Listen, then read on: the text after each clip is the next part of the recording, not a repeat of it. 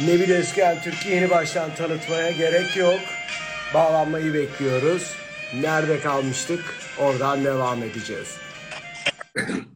Hoş geldiniz Nebil Bey. O canlı yayından bu canlı yayına hepsini seyrettik. Nebil de artık İzzet ya. Boş ver ya hocam. Nebil diyelim. Nebil, İzzet. Daha rahat olmaz mı? Hoş geldin. Nasılsın?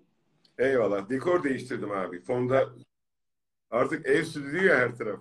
Senin senin dekorun muazzam. Başından beri izliyorum. Arkada kitaplar.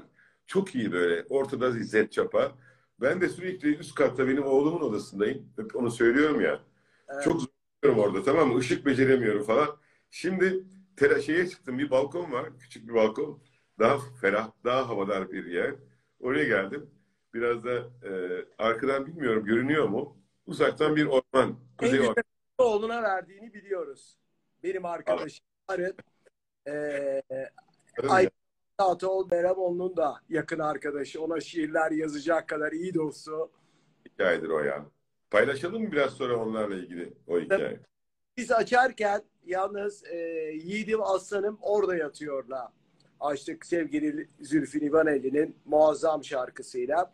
Senin için e, öyle güzel bir söz söylemiş ki onu alıntılamadan edemeyeceğim.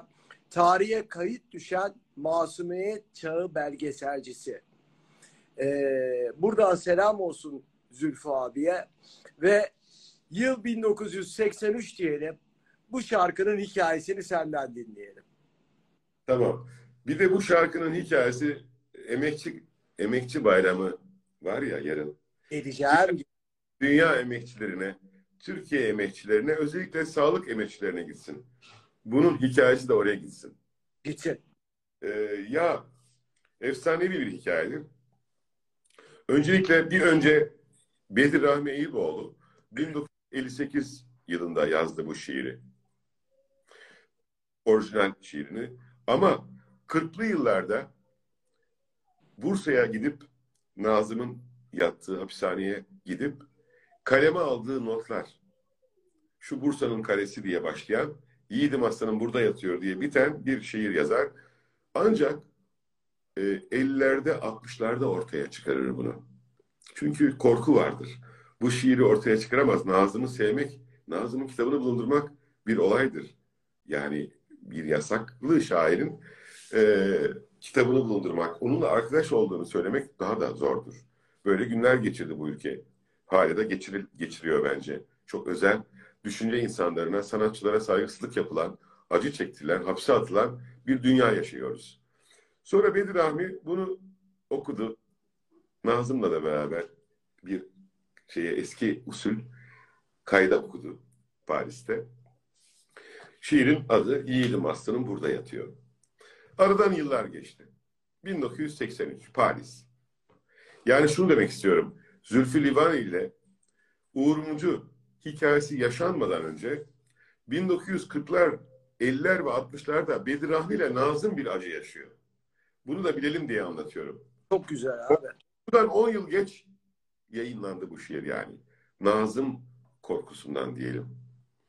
83 yılında Zülfü abi, bu arada az önce bir saat önce telefonlaştık, selamı var derler ya. Dedim İzzet'e katılacağım abi dedim.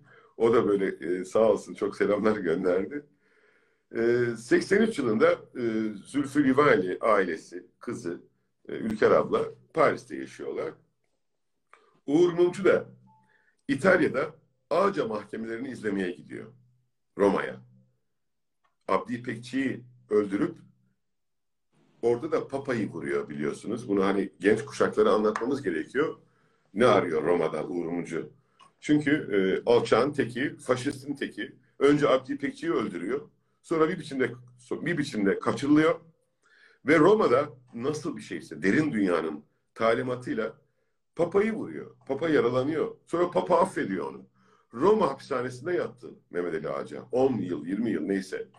İşte o Ağca dosyası, Ağca duruşmaları sırasında Uğur da Cumhuriyet Gazetesi adına sıklıkla İtalya'ya giderdi. Ben o haberleri okudum.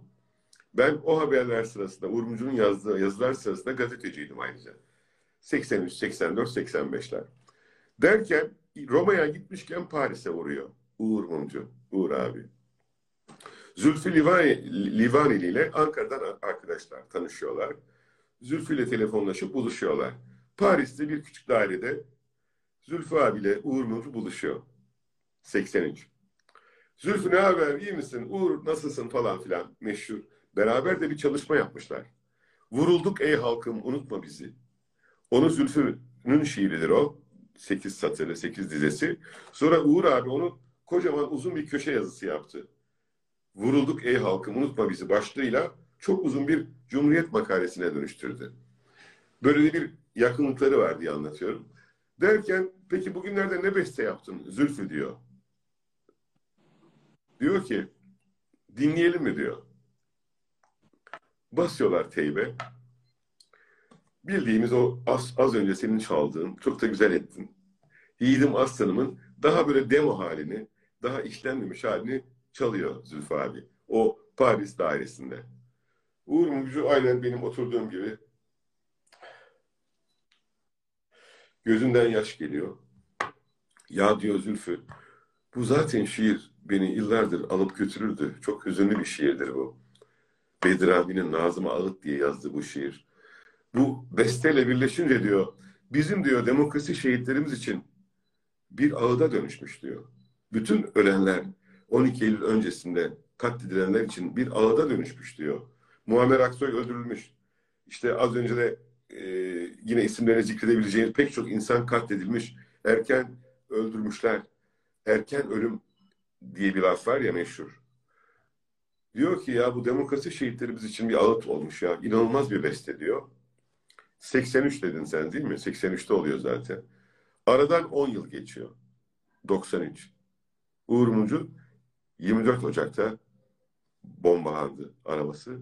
Par, paramparça edildi. Ve birkaç gün sonra yapılan cenazesinde 250 bin kişi yiğidim aslanımla yürüdü Ankara mezarlığına. Derdi kendi diken alıyor burada. Ve gerçekten orada Zülfü Livaneli ile Uğur Mumcu'nun yaşadığı bu diyalog bir olay. Ben bunu Türkiye'nin hat sanatımızın hatıra defterinde Zülfü abiye dedim ki abi dedim çok güzel bir öykü yaşamışsın. Tanıklık bu. Bunu kısa film çeker misin dedim. Çünkü ben o sanatımızın hatıra defteri, Türkiye'nin hatıra defteri belgeselleri seridir onlar. Orada bazı yönetmen arkadaşlarıma e, kısa filmler çekmelerini rica ettim. İşte ne bileyim e, Şerif Gören'den Yılmaz Erdoğan'a kadar 14 yönetmen Şerif Gören, Yılmaz Erdoğan, Mustafa Altıoklar. Zülfü abiye de bunu teklif ettim. Bu ne güzel bir hikayedir abi bu dedim. Çıkardı Zülfü abi benim İstanbul'daki evimde böyle Balmumcu'daki evimde bunu e, bir Emre Kınay ve Güven Kıraç rol alarak oynadılar. Tarihe geçti. Oynadılar Emre. Ben izlediğim için ikisi de muazzam oynadı. O yüzden tarihi bir olaydır. Bu vesileyle İzzet'ciğim ne güzel bir şey hatırlattın. Çok iyi trafik polisliği derler ya. Uğur Mumcu'yu da anmış olduk. Bedir Rahmi'yi anmış olduk. Ee, Nazik Bet'i anmış olduk. Ee, her şeyi almış olduk. Ee, inanılmaz güzel insanları almış olduk. Şimdi, ben hepsine saygı duyuyorum. Hepsine saygı. E, kaybettiklerimize rahmet diliyorum. Özellikle Türkiye için çok büyük bir kayıptır Uğur Mumcu. Allah rahmet eylesin. E, geride olmadı. Sen bir gazeteci olarak günümüzdekilere baktığın zaman bir Uğur Mumcu görebiliyor musun? Yani yok. Uğur Mumcu'nun e, cesaretinde bir insan göremiyorum. Ama güzel insanlar var İzzet'ciğim. Var. Cesur arkadaşlarımız bir ortam yaşıyoruz ki zor bir ortam. Bu ortamda bağımsız medya insanı olmak da zor. Bağımsız medya kurumu da olmak zor. Ama ben bu sosyal medyaya çok güveniyorum. Sosyal medya başka bir alan yarattı. İnsanların özgür olduğu bir alan yarattı. ben şu anda seninle her şeyi konuşabiliyorum. Düşünebiliyor musun? Tabii. Bize bir saat süre veriyorlar. Değil mi? Dünyanın bir numaralı sosyal medya kurumu Instagram diyor ki bir saat İzzet Çapa'yla her şeyi konuşabilirsin. Ne istersen. Biz Yani ne kadar saygı duyuyorsak, kendimizi ne kadar otosansürleyebiliyorsak bunu. Ama bu bizim kendimize saygımızla alakalı. Dün buna benzer bir olay yaşadık. Celal Çapa'yla konuşuyorduk. Ee, işte o dün sosyal medyada yayılan e, sevgili Demet Akalın'ın yazdığı su içenler bizdik. Ee, bundan da gocunmuyorum. Allah'la benim aramdaki bir Ben şey. sana soruyu anlatır mısın? Bunu o, senden okudum bugün. Tam anlayamadım. Bu vesileyle sormak istiyorum. Ya Nasıl aslında girmek istemediğim bir konu ama dün Ya, biz ya, ya, dinlemek istiyorum ben de. maske takmadım. Yani maskeli bir insan olmadım. Neysem oyum. Evet saygı duyarım her inanca, her e, mezhebe, herkese ateiste dahil e, herkese saygı duyarım. Ancak biz su içtiğimiz için eleştirilemeyiz. Allah katında e, oruçlu birinin eğer bu kadar dini vecibeleri bilen biri ise oruçlu birinin karşısında yemek yemek ya da e, su içmek onun sevabına eklenecek, eklenir. Yani söz konusu olan kişi de benim abim. E, sonuna kadar da savunurum. Biz maskeli insanlar değiliz. Herhalde e, Demet Akalın'ın sinirli bir anına geldi.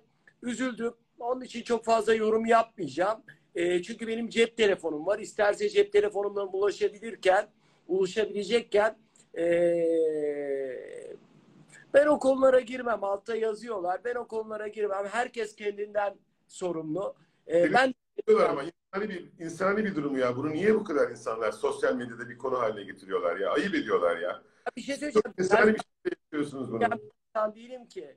Ben oruç tutan arkadaşlarımın hepsine iftar sofrasını sofrası da hazırlarım. Aynı sofrada da yemek yerim, oruç açarım ama ben tutmayabilirim. Bu benim sorunum yukarısıyla. Kimseyi ilgilendirmez. Evet. Kimseyi ilgilendirmez. Neyse beni boş verelim.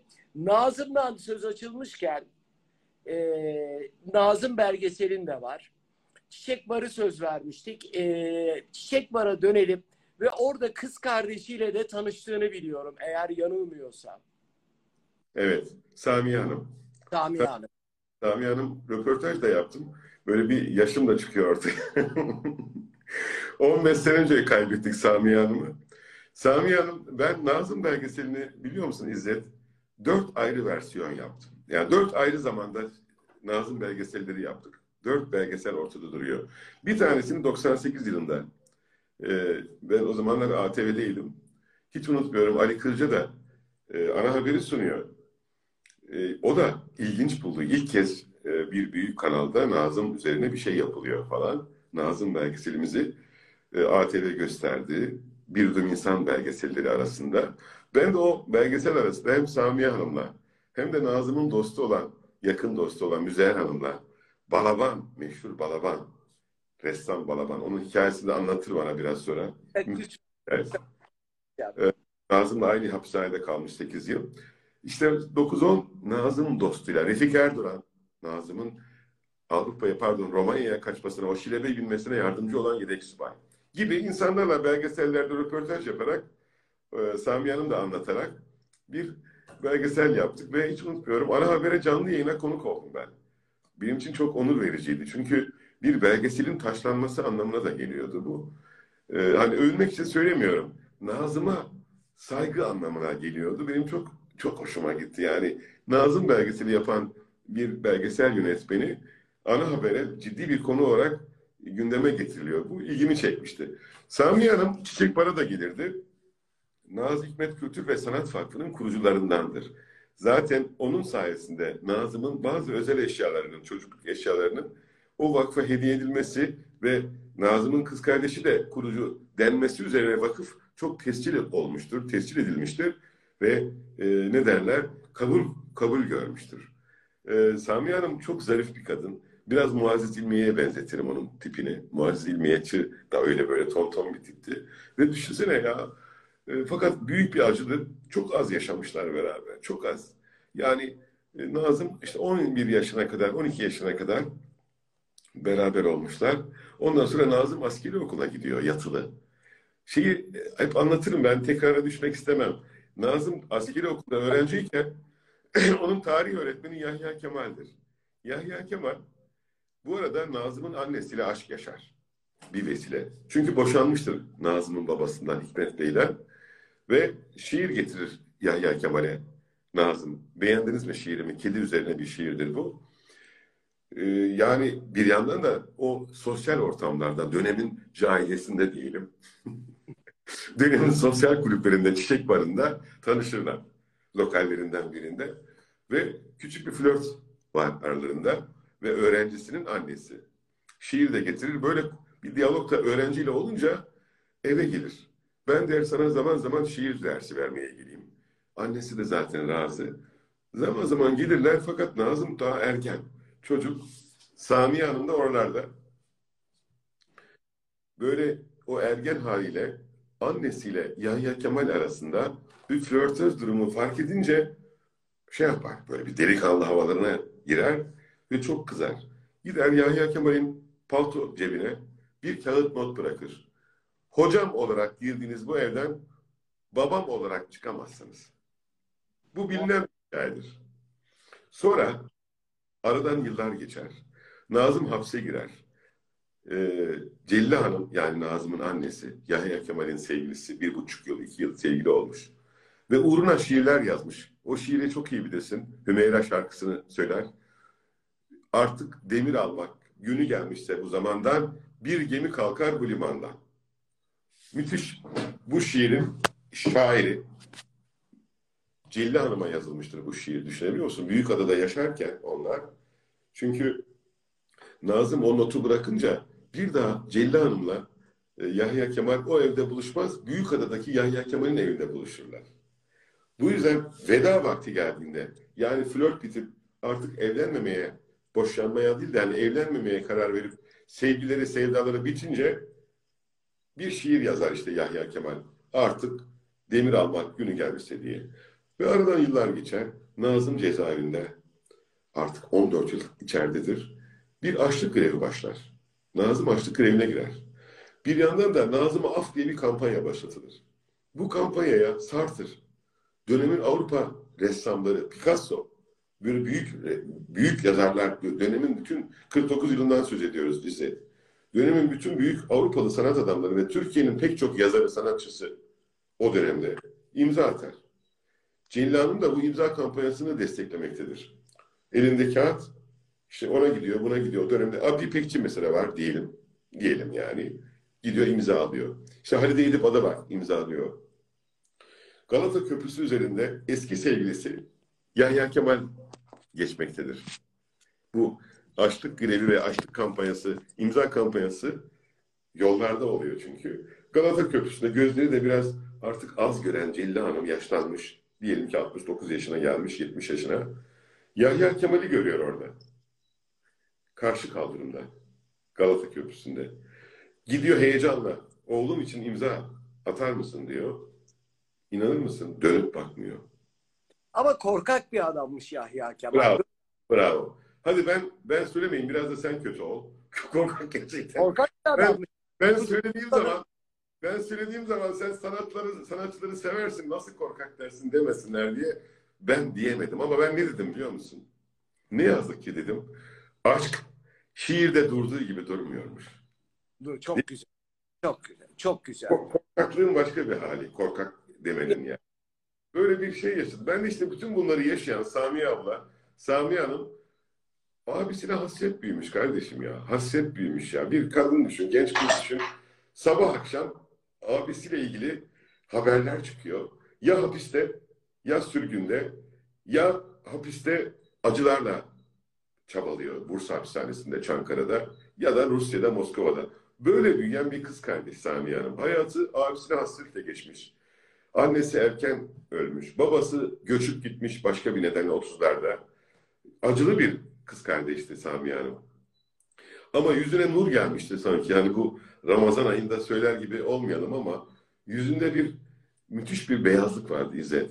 Ben o yüzüne beyaz yansıyan insanları kadın ya da erkek çok vicdanlı olduklarını düşünürüm. Yüzüne nur inmiş sanki. Ton ton dünya güzeli bir yüzü olan ve Nazım deyince hemen gözyaşı döken çok tatlı bir kadındı. Ee, bütün bu acılardan bir ders çıkarmış. Şu olarak ders yani onurlu bir duruş. Öyle bir kardeşe sahip olmanın, öyle bir abiye sahip olmanın onurunu yaşamış. Çünkü Nazım ne yazık ki hapisteyken, sürgündeyken, kaçmak zorunda olduğu sıralarda herkesin illa sahip çıktığı bir insan değil. Az önce anlattım Bedir Rahmi 10 yıl sonra şiirini açıklayabiliyor. Şimdi bugünlerde de bazı insanlarla, hapishanede olan bazı dostlarımızla ben o işte şu gün Osman Kavala'dır vesaire diğer dostlarımız sürgünde olan sıkın insanlar var. Onlarla dost olduklarını hissettirmezler. Korkar düzende. Ne acı bir şey değil mi? Ahmet Kaya'yı hatırlamıyor musun lütfen? Ahmet Kaya o alçak provokasyondan sonra ne yaptı? İki yıl Paris'te yaşamak zorunda kaldı. Herkes atıp tutuyordu şerefsiz Ahmet diye. iğrenç manşetler attılar. O şerefsizler. Kusura bakmasınlar. Sonra şimdi Ahmet Kaya ne oldu kardeşim? 102 milyon kişi tarafından müziği dinlenen bir efsaneye dönüştü. Her kesimden. Ama o zamanlar Ahmet Kaya ile arkadaşım değillerdi. Ne ırkı olur. Bu zaten bence e, insanlık dışı bir şey. Müziği ayrımcılığın içine koymak. Bak ne güzel bir Feyruz gerçeği vardır. Müthiş. zaman her şeyi durdurur. Yani Filistin saldırılarını da, oradaki Hristiyanlara da, oradaki Arap Müslümanlara da herkese müziğiyle sahip çıkabilen bir kadındır Feyruz. Ee, bizde de çok güzel Beyrut şarkısını diyorsun değil mi? Le Beyrut diye hani bildiğin o ne güzel bir şarkı değil mi o? O Beyrut başını anlatır. Yani dediğin gibi yani o ses nasıl güzeldir. Yani sanat zaten ölümsüzdür be İzzet. Bunu söylemeye tekrar etmeye gerek var mı bilmiyorum ama sanatçılar ve sanat ölümsüzdür. Bak Ahmet Kaya ölümsüzdür işte. Gerçek- gerçekten Yani- öyle. Ya çatal bıçak fırlatanlar da, o alçaklar da kusura bakmasınlar. O, onlar da sanatçı müsveddeleri geçiniyorlar. Ve Ahmet Kaya için şerefsiz başlığı atanlar da şu anda yerin dibindeler. Yoklar. Benim için toz zerresi onlar, toz zerresi. Ama Ahmet Kaya şarkılarıyla her şeye rağmen Serdar Ortaç. Öyle değil mi? yani Sen bak- söylüyorsun. Bak- e, ben Ya. söylüyorum. Adı- ben de söyleyeyim canım. Adını bile anmaya gerek yok ya. Şimdi bir de utanmadan ortaya çıkıyorlar. Ahmet Kaya tavsiye ediyorlar. Gizlemeye çalışıyorlar kendilerini. Serdar Ortaç zavallı bir çocuk yani. Onlara, onu ben muhatap bile almam. Bu şey ortamda, bu sanatı konuştuğumuz ortamda zavallı bir çocuk gerçekten. O acımak zorunda kalıyorum. Yani orada bir bir linç linç girişimi oldu. Sadece Serdar, Serdar Ortaç dersek de haksızlık ederiz. Sadece onu dersek. Çünkü orada O zaman boşver onlar orada yaptıklarıyla kalsınlar. Bilkaya o kalabalıkların hepsi ya. Memleketim şarkısı söyleyen Reha Muhtar. Ben söyleyeyim. Doğru doğru söylüyorsun. Birdenbire toparlıyor. Yani şimdi orada onlarca insan şu anda ekranlarda daha doğrusu 3 ay öncesine kadar ekranlarda sahnelerde arıza edam eden insanlar o dönemin dönemin e, mahalle baskısı içinde lince girdiler. Ahmet Kaya gibi 3 milyon e, kitlesi olan 3 milyon kaset satan çocuğun üzerine gittiler. O da adam gibi durdu masada. Hatırlıyor musun o fotoğrafı böyle? Evet. Ve e, neyse boş ver. Ben yorumuna girmeyeceğim. konu- yani konu geldi. Konu geldiği zaman söylemek zorundayız. Neyse. Çok güzel, çok güzel. Benim için büyük bir keyif dinlemek. Ee, Nazım'dan söz etmişken bir rivayet vardır. Bunu bilebilecek kişi sensin belgeselini çektiğin için. Atilla İlhan'ın da çektin. Gerçekten Atilla İlhan ee, ş- Nazım şiirleri yüzünden okuldan atıldı mı? Ben bunu zaman bu bir ee, spekülasyon dediler yıllar önce bir şeyde Evet. yaptı. Diyemez buna bir şey. Atilla, Atilla abi kendisi dedi zaten. Çok da güzel bir konu açtın. Arka arkaya ne güzel böyle bir çorap örgüsü gibi geliyor. Evet. Bedir Rahmi'den Zülfü abiye oradan Atilla İlhan'a kadar geldik. Nazım'ın etrafındaki melekler diyelim bunlara. Atilla İlhan babası kaymakam. İzmir'de Karşıyaka kaymakamı. Çolpan İlhan'ın abisi. 1940'lı yıllar. 1925 doğumludur Atilla abi. 1925 doğumludur. Ben çok yakın dostum da oldu tanışırken. İzmir'de Namık Kemal Lisesi'nde öğrenci. Bu arada ben e, yaşamış gibi anlatabilirim. Çünkü Atilla abi bana bunu yaşamış gibi anlattı. Bir Yudum İnsan belgeselinde. Hatta eğer böyle bir spekülasyon varsa o Atilla abinin bununla ilgili bölümünü 3-4 dakikalık bu anlatımını bugün yarın yayınlayabiliriz yani. Belki de 3 Haziran'da Nazım'ın ölüm bildiriminde bir kez daha yayınlarız. Ve e, kork, ya, yan lisede, komşu lisede bir kız arkadaşı var Atilla abinin. Flörtöz. Ona mektup yazıyor. O zaman el ele tutuşmak, pastaneye gitmek çok zor. Zor koşullar. Mektup yazıyor. Biraz da yatılı. Mektubu veriyor okulun diyelim ki servisine, mektup servisine. Fakat hani hapishane mektubu gibi o mektuplar da okullarda görülüyormuş meğer, okunuyormuş. Öğretmenler Kurulu bu mektuba ele geçiriyor. Disiplin Kurulu ya da. Vay diyor. Bu çocuk ha çünkü mektupta finalde Nazım'ın bir aşk şiirini ekliyor Atilla İlhan. Hani sevgilisine güzel serenatlar da bulunurken finali Nazım'ın şiiri şiiri ekliyor ve mektup ele geçiriliyor öğretmenler kurulu tarafından. O kurul üyeleri, o kurul üyeleri bu çocuk Nazım'ı nereden öğreniyor? Nazım'ın kitabı nasıl bulur? Nazım'ın kitabı nasıl bu mektuba girer diye çocuğu müşahede altına alıyorlar. Sorguya. Sen nereden aldın bu şiiri? Hangi kitaptan oldun? Bu kitabı sana kim tavsiye etti? Nazım'ı nereden biliyorsun? diye soru üstüne soru. Önce öğretmenler. Ve çocuğu alıyorlar emniyete. Emniyetten Sansaryan Han vardır İstanbul. Bak çok önemli bu anlattığı. Sansaryan Han'da yine sorgular, sorgular, sorgular, sorgular. Ve şöyle bir final. Manisa Akıl Hastanesi'nde tedavi altına alınması gerekiyor diye rapor. Okuldan atılıyor rapor. Hapse atılıyor ve 17 yaşında bir lise öğrencisi. Bunun spekülasyon olma şansı yok ki. Atilla abinin yaşadığı bir olay. Ve okuldan atılıyor. Okulu bitiremiyor Namık Kemal Lisesi'ni. Ama Türkiye büyük ozanı ozanı olmayı başarıyor. Koca, Yani koca bir başarıyor. hayat okulunu bitiriyor. Hayat okulunu bitiriyor. Ee, Ve, ve Paris'e gidiyor. Atilla abi Paris'e gidiyor. Paris'te o romanlarına da konu olan olayları yaşıyor. Ee, Fena Halde Leman, işte Paris'in o zevk geceleri, keyif geceleri de anlatan romanlar ve büyük şiirler. Ben sana mecburum, bilemezsin adını mıh gibi aklımda tutuyorum diye bize muazzam şiirler armağan ediyor. Ben o şiirlerle çok dolaştım İzmir sokaklarında, İstanbul sokaklarında, Boğaz kıyısında kız arkadaşlarıma okudum. Ne kadınlar sevdim zaten yoktular vesaire. Sonra ne oluyor? TRT'de Kartallar Yüksek Uçar, Gazeteci Ümit gibi dizilere senaryo yazarak devreye giriyor. Ve sonra ne oluyor biliyor musun? Ekrem Çatay'ın eşi, Ay yapımında şu anda yöneticisi Kerem'in annesi Nedret Hanım bir gün Atilla abinin kapısını çalıyor. TRT'de yapımcı çünkü Nedret Çatay. Ee, sizinle bir sohbet programı yapalım Atilla Bey diyorlar. Siz sevilen bir yazarsınız, şairsiniz.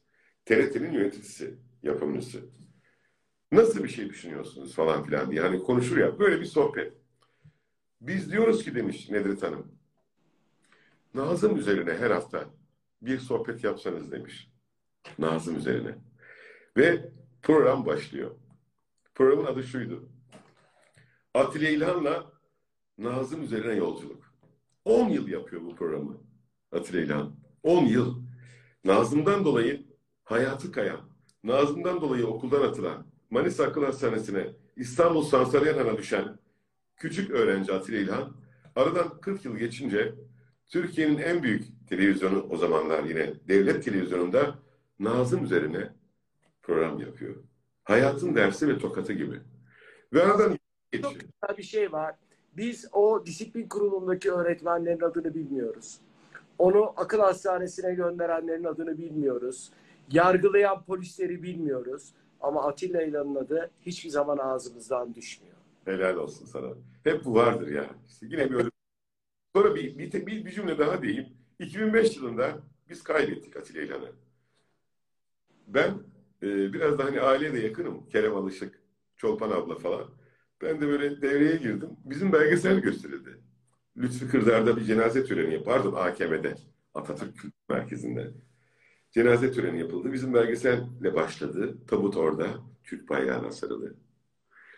Ve dönemin bütün devlet ricali, çiçekler ve oradalar. Bak şimdi. Devletin 17 yaşındayken hapse attığı, o hayatını kaydırdığı diye devam edelim. Bir genç şair 2005 yılında cenazesi devlet töreniyle yapılıyor. Ve bütün bakanlar ve Cumhurbaşkanı değil de o zamanlar Başbakan Erdoğan da özel bir mesaj yayınlıyor. Ve 8 bakan sıraya dizilmiş. Herkes konuşma yapıyor. Ve esas duruş Türk bayrağına sarılı bir tabut. Hayatın işte bir dersi de bu değil mi ya İzzet? Muazzam bir ders. Muazzam bir ders. Nazım'ı kaçırdılar bu ülkeden. 2002 yılında ben mezarına gittik. Bir Kültür Bakanı İstemiyan Talay'la beraber. Evet. 2000, pardon. 100. doğum gününde Kültür Bakanı dedi ki özür diliyorum devlet adına dedi. Hayat. Muazzam. Ee, İstemiyan Talay yanlış anlamasın. İstemiyan Talay'ı çok severdim ben. İyi bir kültür bakanıydı. Ama hiçbir kültür bakanının adı şu ana kadar bilinmez biliyor musun? Ama Nazım bilinir. Yani devleti yönetenler, devletin bakanları 30 yıl sonra kalmıyor kardeşim. Eserler ve şairler kalıyor. Edebiyat adamları, sanat adamları ve bilim adamları kalıyor. Şu bize, şu ilacı üreten insanların adı kalacak. Aziz Sancar'ın adı kalacak. Yaşar Kemal kalacak. Nazım kalacak. Sayabiliriz işte. Onlarca. Peki Nazım'dan başladık gene gidiyoruz. Nazım Hikmet Vakfı dedin. Ee, zengin kız fakir oğlanla tanıdığımız. Sonra damat Ferit'le Hababam sınıfında taht kuran. Daha ilerleyen zamanlarda yolda Seyit Ali rolüyle büyük bir değişime imza atan Tarık Akan, sevgili Tarık Akan, rahmetli Tarık Akan. O da vakfın ikinci başkanıydı yanılmıyorsam değil mi? Evet. Onunla bir belgesel çalışman oldu mu? Tabii ki. Hem de Onur'la iki bölüm oldu. Yani yetmedi. Ben Tarık abideki dönüşümü dünya çapında buluyorum. Şimdi Al Pacino ya da Robert De Niro e, ya da Brad Pitt bu hani çok sevilen, dünyaca tanınan Amerikalı oyuncuların hayatı 22 yaşından 72 yaşına kadar istikrarlı gider. Değil mi abi? Yani Evet. işte e, şöyle yani hep başarılı insanlardır. Değerli İyi filmlerde oyunculardır diyelim. Ya Başa- Tarık Akan'ın dönüşümü dünya çapındadır. Demin anlattığım Arzu Okay'a benzer bir hayat 12'si. 1972'de Ses dergisinin kapak yarışmasında birinci oluyor. Ve bildiğimiz dediğin gibi Damat Ferit, Ferit rolleriyle bildiğimiz o Gülşen Bubikoğlu'ndan Filiz Akın'a kadar salon filmleriyle tanınan, anılan kadın oyuncularımızla hep böyle hayaller, masallar üretilen filmlerde oynuyor. Bazen yarı böyle şey kurmaca, yarı böyle masal tadında filmler bunlar. Bazen de tabii ki bizim aile gibi, işte Hababam sınıfı gibi de iyi filmlerde sevilen bir oyuncu olarak. Ama asıl Tarık'ın kariyeri nasıl? Yakışıklı, mavi gözlü prens. Yani şey, kreatif bir tip. Sonra kardeşim bir Yılmaz Güney'le tanışıyor. Bir Vasıf Öngören'le tanışıyor. İnanılmaz bir dönüşüm başlıyor. çok, Tarık, sert, Tarık önceki, efendim çok sert bir dönüşüm aslında. her bir dönüşüm, önceki hayatını kitliyor resmen. Yok ediyor. Ve bana şeyi anlatmıştı.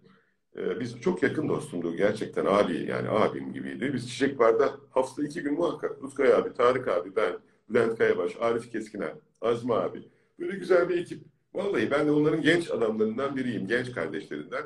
Bana anlatırlar bir de basında, medyada olduğum için bazen bana bir şeyler söylemek isterlerdi. Ben de onlara bazen medyadan bir şeyler söylerdim. Yani böyle bir köprü gibiydi karşılıklı ve ben onlara çok saygılıydım. O yüzden bütün ayrıntılara çok hakim olduk o yıllarda. Ve Tarık abi o sert dönüşte, Tarık abi Yılmaz Güney ve Vasıf Öngör'e kendini teslim ederek sosyal içerikli, toplumsal içerikli, memleket hikayeleri anlatan filmlerde oynayarak ama hiç kimseye de eyvallahı olmayarak yani etmeden derler ya hani parasını da bütçesini de hallederek hani yoksullaşmadan bir dünya kurdu.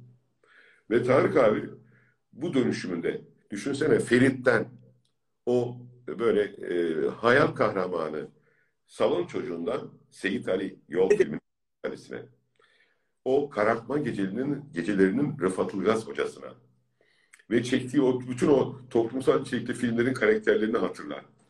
Post bıyıklı, çok güzel yüzlü, olağanüstü bir karaktere dönüştü. Ve bence işte o yüzden cenazesine 200 bin kişi gitti kardeşim. Gerçekten. Onurlu. Bir de ne yaptı? Hissettiği, saygı duyduğu Silivri'deki dostlarına, orada mağdur olmuş dostlarına destek olsun diye polise karşı, panzeriyle karşı çıktı. Öyle bir fotoğrafı vardı. Şu anda arkadaşlarımız Google'a girsinler. Tarık Akan Silivri yazsınlar. Orada Silivri'de mağdur olan ki mağduriyeti yıllar sonra devlet tarafından da kabul edilen, beraat eden o insanlara saygı olsun diye, destek olsun diye gidip polis polis şoku yedi Tarık abi. Hiç taviz vermeden onurlu duruşunu gösterdi. Ve bence çok erken kaybettik. Çok üzüldüm. Neyse ki okulu var şimdi. Oğulları, e, çocukları okulu sürdürüyorlar. Tarık abinin bir hayali vardı. Bana da bunu söylemişti. Nazım'ın Kuvayi Milliye Destanı'nı izle, film yapmak istiyordu. O Kuvayi Milliye Destanı'nı Fazıl Say'la buluştular. İşte demo çekimler de yapıldı. Fazıl Say müziklerini yapacaktı. O, biliyorsun o, bu ülkenin kurtuluşuna dair efsanevi bir destandır. Kuvayi Milliye Destanı. Hatta memleketinden insan mağazalarıyla birleştirip böyle iki saatlik epik bir ülke hikayesi ni filme çekmek istiyordu. İlk kez yönetmenlik yapacaktı sinemada.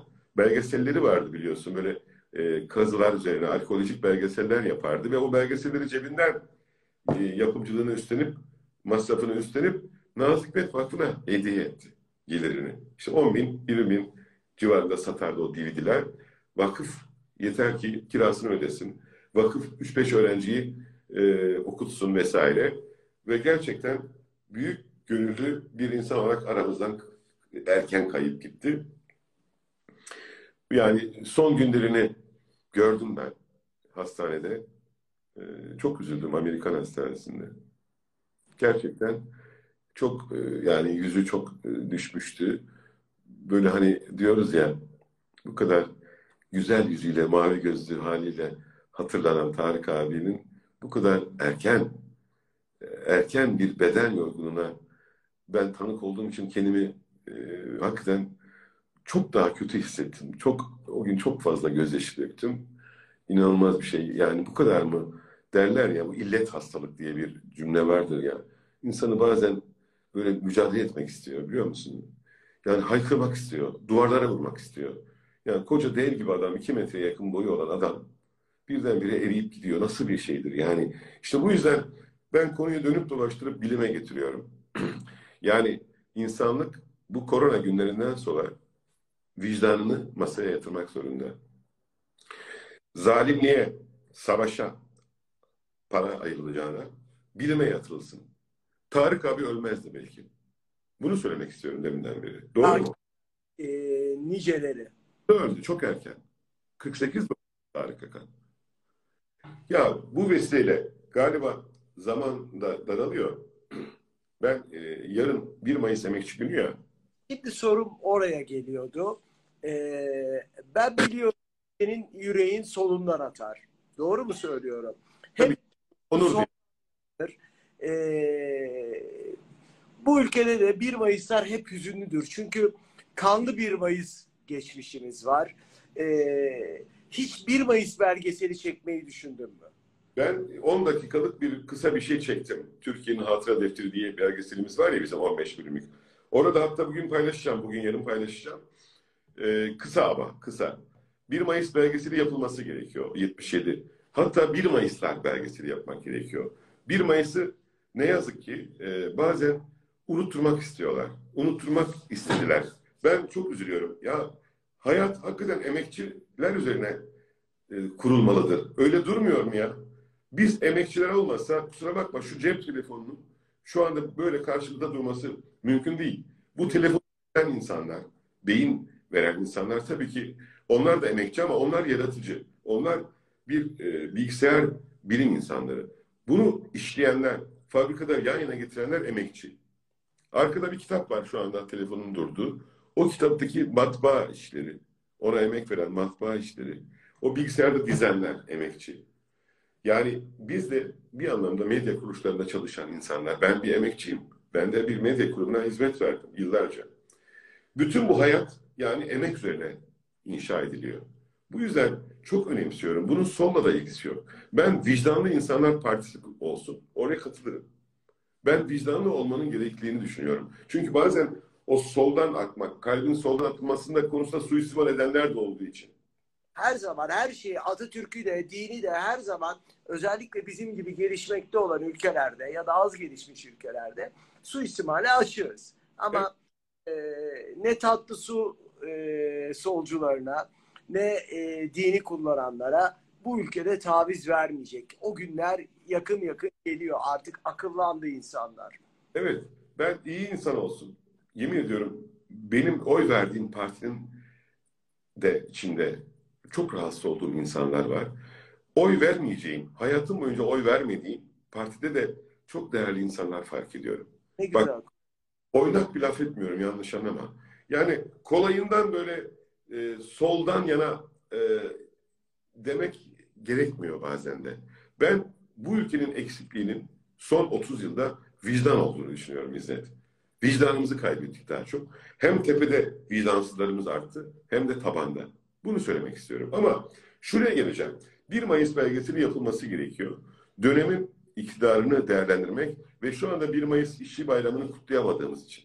Kutlayamıyoruz. Hem koronadan dolayı bugünlerde kutlayamıyoruz ama bayram derken bir bayram şenliği gibi kutlamak gerekmiyor. İşçiye değerini vermek anlamında hatırlatmak gerekiyor emekçi gününü. Geçen yıllarda insanların bir dileği var kardeşim. Taksim'e çiçek bırakılacak. Buna engel olmanın anlamı yok. Yoktu. Son beş yılda olaylar yaratıldı. O emekçilere haksızlık edildi. Bunun altını çizmek istiyorum. Buradan alıp ben sana burada çok e, hüzün duyduğum bir anekdot anlatmak istiyorum. Çok sevindim. Doğum. Sanatımızın hatıra defteri belgeselini çok hoş bir öyküye rast geldim. 1960'lı yıllarda Atatürk Barajı yapılıyor. Yani Atatürk Barajı'nı herkes biliyor.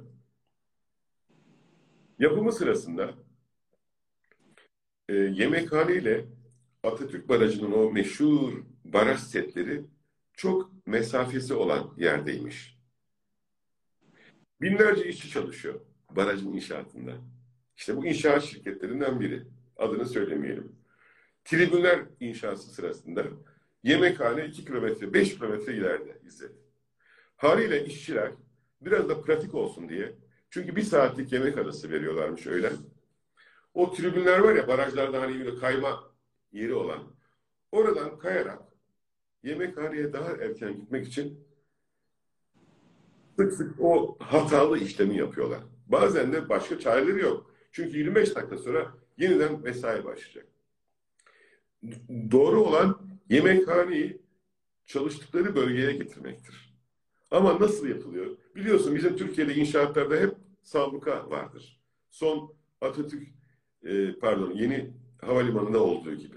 Her zaman bizim müteahhitlerimiz sağ olsunlar biraz hiç işçiyi düşünmeden, emekçiyi düşünmeden İş cinayetlerine her zaman yol açmıştır. helal olsun. Son havalimanında ciddi bir iş cinayeti oldu. Atatürk Barajı'nda da bu durumdan dolayı galiba toplamda 60-70 işçi hayatını kaybetti. Sonunda bitti baraj, biter. Ve derler ki ya sen işte bir heykel yap. Bir heykel tıraşa bir heykel siparişi derler. Heykel tıraş da gider orada e, iş cinayetine kurban giden 70 işçinin adının olduğu bir anıt yapar.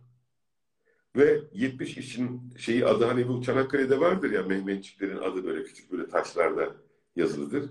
Burada da bu 70 işçinin adlarını koyar koyar koyar ve bir yazı yazar. Der ki biz bu inşaat sırasında iş kazalarında öldük.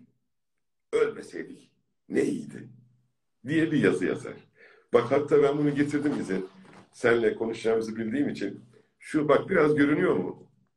Evet. Bak Çok Bu- belgesel kitabımın ilk sayfalarıdır. Biraz heykel de görünüyor mu bilmiyorum. görünüyor. Çok az ama. Ha, evet biraz daha yaklaştırayım. Yani hatta şu anda Atatürk Barajı'nda bu heykel ve heykelin yanında yazılanlar biz iş kazalarında öldük. Ölmeseydik ne iyiydi.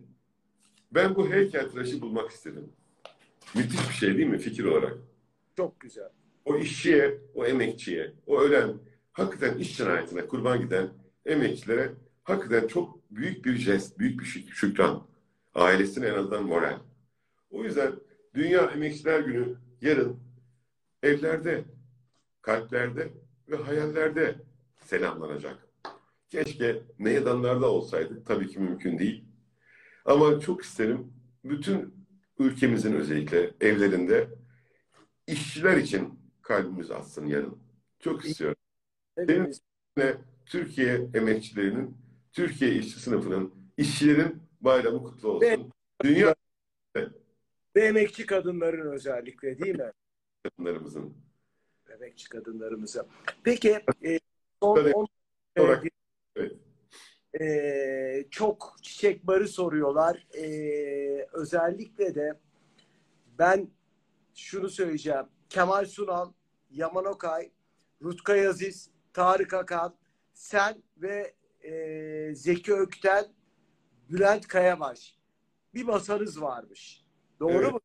Evet. Bir de e, bar taburesi varmış. Gurbete gitmezden önce İsmet Ay'dan başka hiç kimse oturmazmış. Şimdi sen bu gurbete gitmezden önceki hikayeyi de bize bir anlat.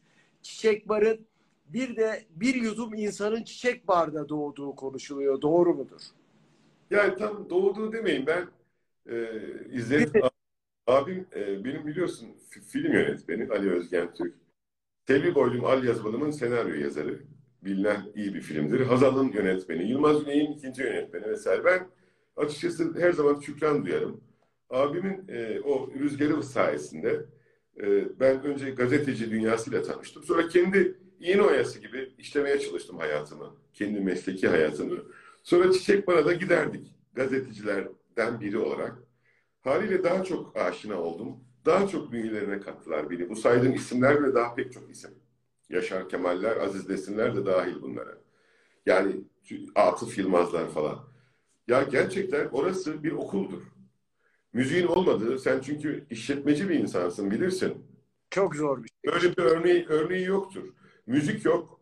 Çok büyük büyük böyle restoran e, işletmesi de sayılmaz. Hani böyle beyaz masalı örtüler, garsonlar sana güzel böyle yemekler getirsin. Böyle her zaman sinek mi diyorsunuz ona? Hani sinek tadında. E, böyle bir şeyler bırakılır gider masaya. Kemal Sunal'ların olduğu da masalar bunlar. Böyle bir işletme düşün kardeşim. 88 yılında e, sadece üye olanlar giriyor diye bir numara var. Onu da bilirsin. Aslında orası Sinema Sever Derneği lokali. Herkesi de almamaya çalışıyorlar. Ben orada büyüdüm diyebilirim. Yani 20'li yaşlarım, 30'lu yaşlarımda hep orada e, haftada 4 gün giderdim. Niye?